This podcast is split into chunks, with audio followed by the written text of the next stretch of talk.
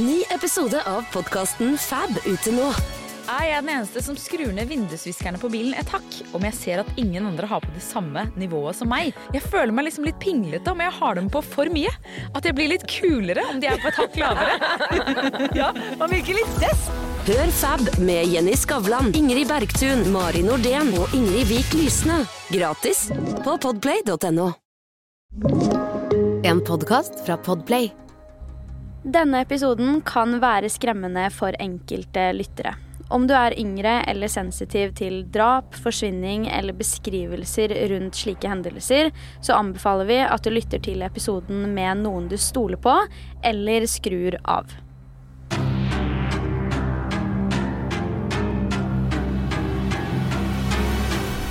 Hei og velkommen til en ny episode av Forsvinningsfredag podkast. I denne episoden skal jeg ta for meg saken om The Weepy Voiced Man.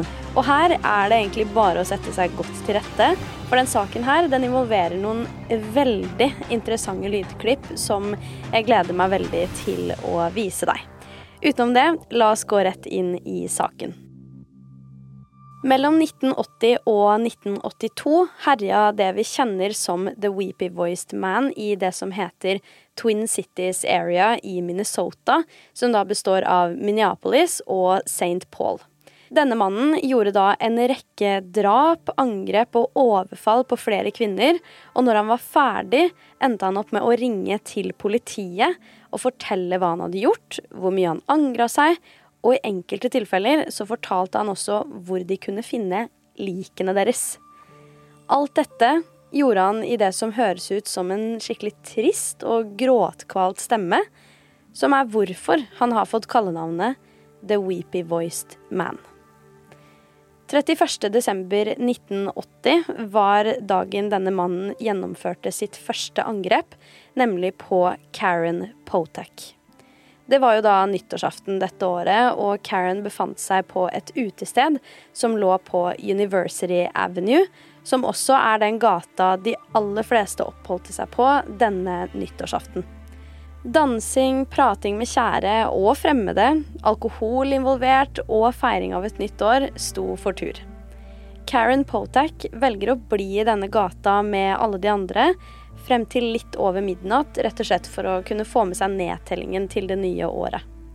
Deretter bestemmer hun seg for å reise derfra alene, men ingen vet egentlig helt hvorfor hun valgte å gjøre akkurat det. Etter at hun har dratt, tar det ikke lang tid før Karen blir overfalt av en fremmed mann, voldtatt og stukket med en hjulvinne. Dette resulterer i brutale skader mot hodet for Karen, og hun blir liggende der så vidt i live. Rundt klokken tre på natten samme dag mottar politiet en veldig forstyrrende telefonsamtale. Det er en gjerningsmann som ringer inn og forteller at han angrer, og er veldig lei seg for dette drapet. Han forteller også politiet akkurat hvor de kan finne jenta som han nettopp hadde skadet. Hør på dette. Yes, please. This is an emergency. Please send a squad to Pierce Butler Road, uh, Malmberg Manufacturing Company, machine shop. Please, there's an ambulance too. There's a girl hurt there. Can you tell me what happened to her? Just hurry. There's a, she's laying on the ground in the back by the by the railroad tracks by the edge here. Hurry. What, what's the address? I don't know. Who are you? Han nekter, som du hører, å avgi informasjon om hvem han er og hans egen identitet, men han gir derimot masse informasjon om åstedet. Mer spesifikt så forteller han politiet at de er nødt til å skynde seg til togskinnene like i nærheten, som lå rett bak en produksjonsbygning. Politiet finner Karen, og på tidspunktet er hun fremdeles i live, men det er på hengende håret. På mirakuløst vis ender hun faktisk opp med å overleve dette angrepet, men dessverre får hun permanente funksjonsnedsettelser og har heller ingen minner fra dette angrepet selv. The Weepy Voiced Man fortsatte til tross for at han hadde sagt på telefon til politiet at han angret. Det neste offeret er nemlig 18 år gamle Kimberly Compton fra Pepin i Wisconsin. Den 3. juni 1981 ankom hun St. Paul med buss. Hun hadde nettopp blitt ferdig på videregående og var nok veldig på utkikk etter å starte et nytt liv, studere og finne ut av hva hun ønsket å gjøre fremover. Da hun ankommer byen, setter hun seg ned på en restaurant eller en diner, rett og slett bare for å spise, men her blir hun også kjent med en fremmed mann. Denne mannen tilbyr seg så å vise henne rundt i byen, og det takker hun jo ja til, fordi hun var jo ikke akkurat lommekjent der. Etter dette tar det ikke lang tid før politiet mottar nok en telefonsamtale. Forskjellen på denne og den forrige samtalen er at gjerningsmannen nå virker irritert og frustrert. Bare hør på det her. Don't talk, just listen. I'm sorry what I did to Compton. I couldn't help it. Don't know why I had to stab her. I am so upset about it. I keep getting drunk every night. I can't believe I just big dream. I can't think of being locked up. If I get locked up, I'll kill myself. I'd rather kill myself than get locked up. I'll try not to kill anybody else. Liket til Kimberly ble funnet dagen etter, rett ved en motorvei, og hun har så mye som 61 stikk i kroppen. Det er ikke før de undersøker åstedet og liket til Kimberley at de klarer å finne en skapnøkkel i lomma hennes, som de igjen klarer å spore tilbake til et skap på St. Paul busstasjonen, rett og slett der hun gikk av bussen tidligere på dagen. I det aktuelle skapet hadde Kimberley lagt igjen flere personlige eiendeler, som gjorde at de klarte å identifisere jenta. Denne hendelsen gjorde at politiet så seg nødt til å offentliggjøre samtalene de hadde hatt med denne gjerningsmannen, rett og slett i håp om at noen kanskje kunne kjenne igjen stemmen hans.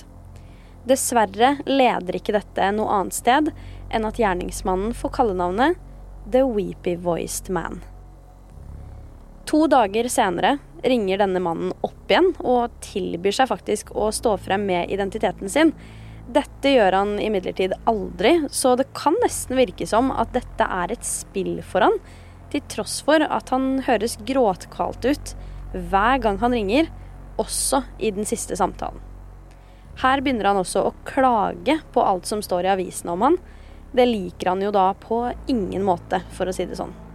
Nesten et år etterpå finner en tilfeldig forbipasserende et par med briller liggende i sanda, og dette skulle føre til funnet av enda et lik av en kvinne. Liket hennes blir funnet i vannkanten av Mississippi-elven, og kroppen har virkelig mer enn 100 stikk i seg. Kvinnen som blir funnet, viser seg å være Barbara Simmons. Barbara hadde hatt en koselig kveld på byen og hadde brukt mye tid på Hexagon bar i Minneapolis den kvelden. Her skal hun også møte en mann hun syns veldig godt om, helt uvitende om at han skal bli hennes gjerningsmann. Mot slutten av kvelden hadde Barbara til og med sagt til en servitør at hun håpa at mannen var grei, for han skulle jo tross alt kjøre henne hjem. Det var siste gang noen så Barbara Simmons i live. Politiet mottar selvfølgelig nok en telefonsamtale, men denne må jeg si at jeg syns er spesiell. Dette er kanskje den mest kjente telefonsamtalen i denne saken, og det er den som blir brukt aller mest i eksempler, men her begynner han til og med å beklage seg på nytt for drapet på Kimberly. Bare hør på det her. Fire emergency. Please don't talk, just listen. I'm sorry I killed that girl. I stabbed her 40 times.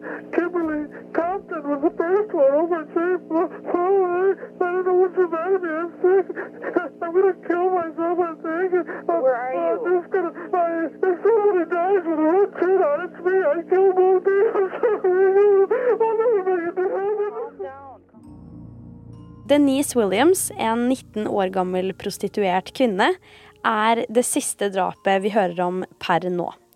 Hun hadde vært prostituert helt siden hun var 13 år gammel, som i seg selv er helt ufattelig trist, men det gjorde jo også at hun var veldig kjent i gatene rundt om i byen. Akkurat det er en viktig detalj til senere. Det er 21. august 1982, og det er denne kvelden The Weepy Voiced Man bestemmer seg for å plukke opp Denise fra der hun jobbet den aktuelle kvelden. Han tok henne med tilbake til sin egen leilighet. De gjorde det de skulle, og så tilbød han seg å kjøre henne tilbake til der han plukket henne opp tidligere. Hun takka ja, og veldig raskt var de ute i bilen og på vei av gårde. Fordi Denise var så kjent i området, la hun fort merke til at den kommende gjerningsmannen tok flere omveier og kjørte en helt merkelig vei. Brått endte de opp på en forlatt parkeringsplass. Hva var det som skjedde nå? Denise forsøkte å komme seg ut av bilen og å rømme så fort hun kunne, men før hun vet ordet av det, har hun blitt stukket i magen med en skrutrekker. I løpet av bilturen hadde hun imidlertid lagt merke til en knust glassflaske som lå i bilen, så den endte hun opp med å bruke til sin fordel. Hun slår han i hodet i håp om at det skal slå han ut litt, men i stedet fortsetter han bare å stikke henne med skrutrekkeren, helt til hun faller ut av bilen, ettersom bildøren var åpen. Etter det kaster han seg over henne, og Denise befinner seg i et realt basketak utenfor bilen, mens hun skriker etter hjelp. Heldigvis er det en mann som hører det her, og løper for å hjelpe. Men i stedet så blir også han forsøkt angrepet. For i det hele tatt kunne være til hjelp i det hele tatt, så ender han da opp med å løpe tilbake til leiligheten sin, og så ringer han til politiet. Resultatet av det er at gjerningsmannen lar Denise ligge igjen med alle skadene hun er påført, mens han selv kjører fra åstedet. Politiet kommer til stedet ganske raskt, men ikke raskt nok til at de fikk tatt gjerningsmannen. Denise har 15 stikk i overkroppen og ender opp med å bli hasteoperert på sykehuset. Hun ender da heldigvis opp med å overleve angrepet. Velkommen til Kjemperådet! Yes.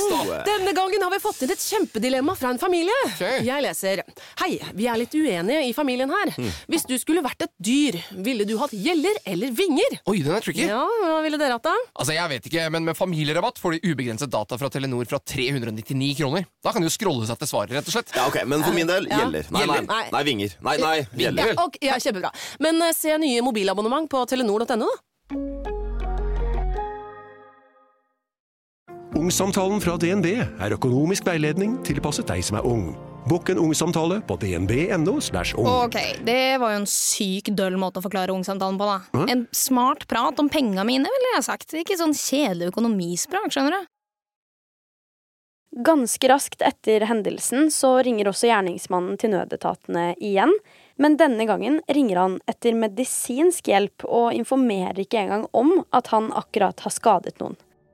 Selv om denne mannen snakker i et vanlig toneleie, så klarer politiet likevel å se en kobling mellom han og gjerningsmannen til Denise. Dette gjør at politiet og ambulansen sammen drar hjem til leiligheten hans, og han blir pågrepet umiddelbart og sendt i varetekt for videre avhør. Denne mannen skulle vise seg å være 38 år gamle Paul Michael Stefani. I forbindelse med drapet på Barbara Simmons ble egentlig alle som var på den samme baren den kvelden avhørt, i hvert fall de ansatte. Heldigvis avhørte de servitøren som Barbara hadde snakka med den kvelden hun ble drept, for hun hadde nemlig et veldig tydelig bilde og minne i hodet sitt av hvordan denne mannen så ut, så det kunne definitivt være til hjelp for politiet. I et avhør viste politiet denne servitøren 100 forskjellige bilder av potensielle gjerningsmenn, og hun pekte ut Paul Michael Stefani med en gang. Det er fra det avhøret av at politiet holdt et ekstra godt øye med han, slik at det skulle være lettere å pågripe han igjen dersom han gjorde noe mer. La oss snakke litt mer om Paul Michael. Han vokste nemlig opp i Austin i Minnesota med en hjemmeværende mor og en far som jobbet som kjøttpakker. Foreldrene til Paul skilte seg også da han var liten, og moren endte opp med å gifte seg på nytt allerede da Paul bare var tre år gammel. Han er også det siste av ti barn i familien, så han har definitivt vokst opp i et folksomt hjem. I tillegg til det så var også familien hans av katolsk tro. Når det kommer til stefaren, så fikk dessverre ikke Paul den stefaren han bare kunne drømt om. Han fikk nemlig en stefar som alltid hadde vært voldelig mot barna sine. I tillegg til det, selv om familien til Paul hadde et veldig godt rykte på seg i byen, så hadde Paul likevel en ganske turbulent historie. Paul var også gift med en kvinne en gang i tida, og sammen fikk de faktisk et barn, men kort tid etter så valgte de to å skille seg. Han fikk heller ikke foreldreansvar i noe særlig grad over barnet, så man kan jo si at han på en eller annen måte bare holdt på akkurat som han ønska fra det tidspunktet av. Uansett, pågripelsen av Paul ender i en seks uker lang rettssak, hvor disse samtalene med nødetatene i aller høyeste grad blir brukt som bevis. Selv sa han seg ikke skyldig i drapet på Barbara Simmons og angrepet på Denise Williams. Så mye som en søster, en tidligere ektefelle og en nabo klarte også å gjenkjenne stemmen fra disse samtalene, så det var ingen tvil om at politiet hadde fått tak i rett person. Paul Michael Stefani ender opp med å bli funnet skyldig og bli dømt til 40 år i fengsel for drapet på Barbara Simmons og ytterligere 18 år i fengsel for angrepet på Denise Williams. Det ble aldri tatt med i beregningen eller gjort noe som helst sak ut av Kimberly og Karen, rett og slett fordi politiet ikke hadde nok bevis og telefonsamtalene ikke var nok, som jeg egentlig syns er rart med tanke på at han nevner Kimberly i flere av dem. Likevel tilsto han begge disse hendelsene mens han satt i fengsel, og i tillegg tilsto han et ytterligere drap på toppen av det igjen. Dette var da drapet på Kathleen Greening, som politiet ikke engang hadde ansett han som en mulig mistenkt i engang. Her innrømmet han faktisk at han hadde druknet henne hjemme i hennes egen leilighet den 21. juli 1982. Grunnen til at politiet ikke hadde sett på han som en mistenkt i denne saken, det var rett og slett fordi dette drapet var veldig lite karakteristisk for gjerningsmannen, eller da for The Weepy Voiced Man. Rett og slett fordi hun for det første ble drukna, og fordi det aldri kom en 911-samtale i ettertid i forbindelse med det drapet. Denne kvinnen kjente jo faktisk også Paul Michael fra før av, og han mente selv at han ikke ringte politiet etterpå fordi at han ikke følte noe skyld. Enkelte mener jo at det er en høyere sannsynlighet for at det er motsatt, altså at han faktisk følte på det denne gangen, og derfor ikke ønsket å snakke høyt om det. I 1997 blir Paul Michael diagnostisert med hudkreft, og det er faktisk i kjølvannet av den dagen han fikk diagnosen, at han begynner å innrømme og tilstå alle disse hendelsene.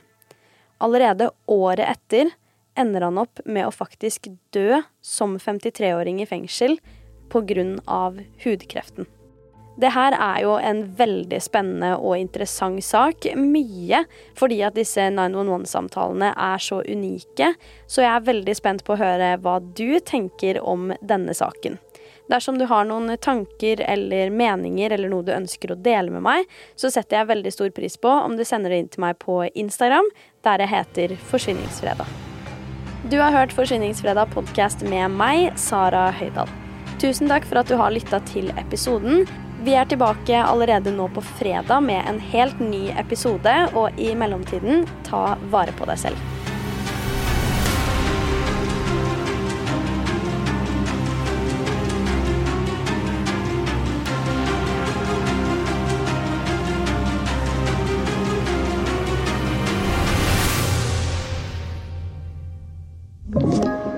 Du har hørt en podkast fra Podplay.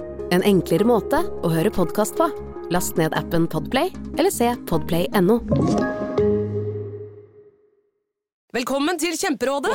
Vi har fått inn et kjempekleint problem fra Trine Lure 22. Ok. Jeg leser.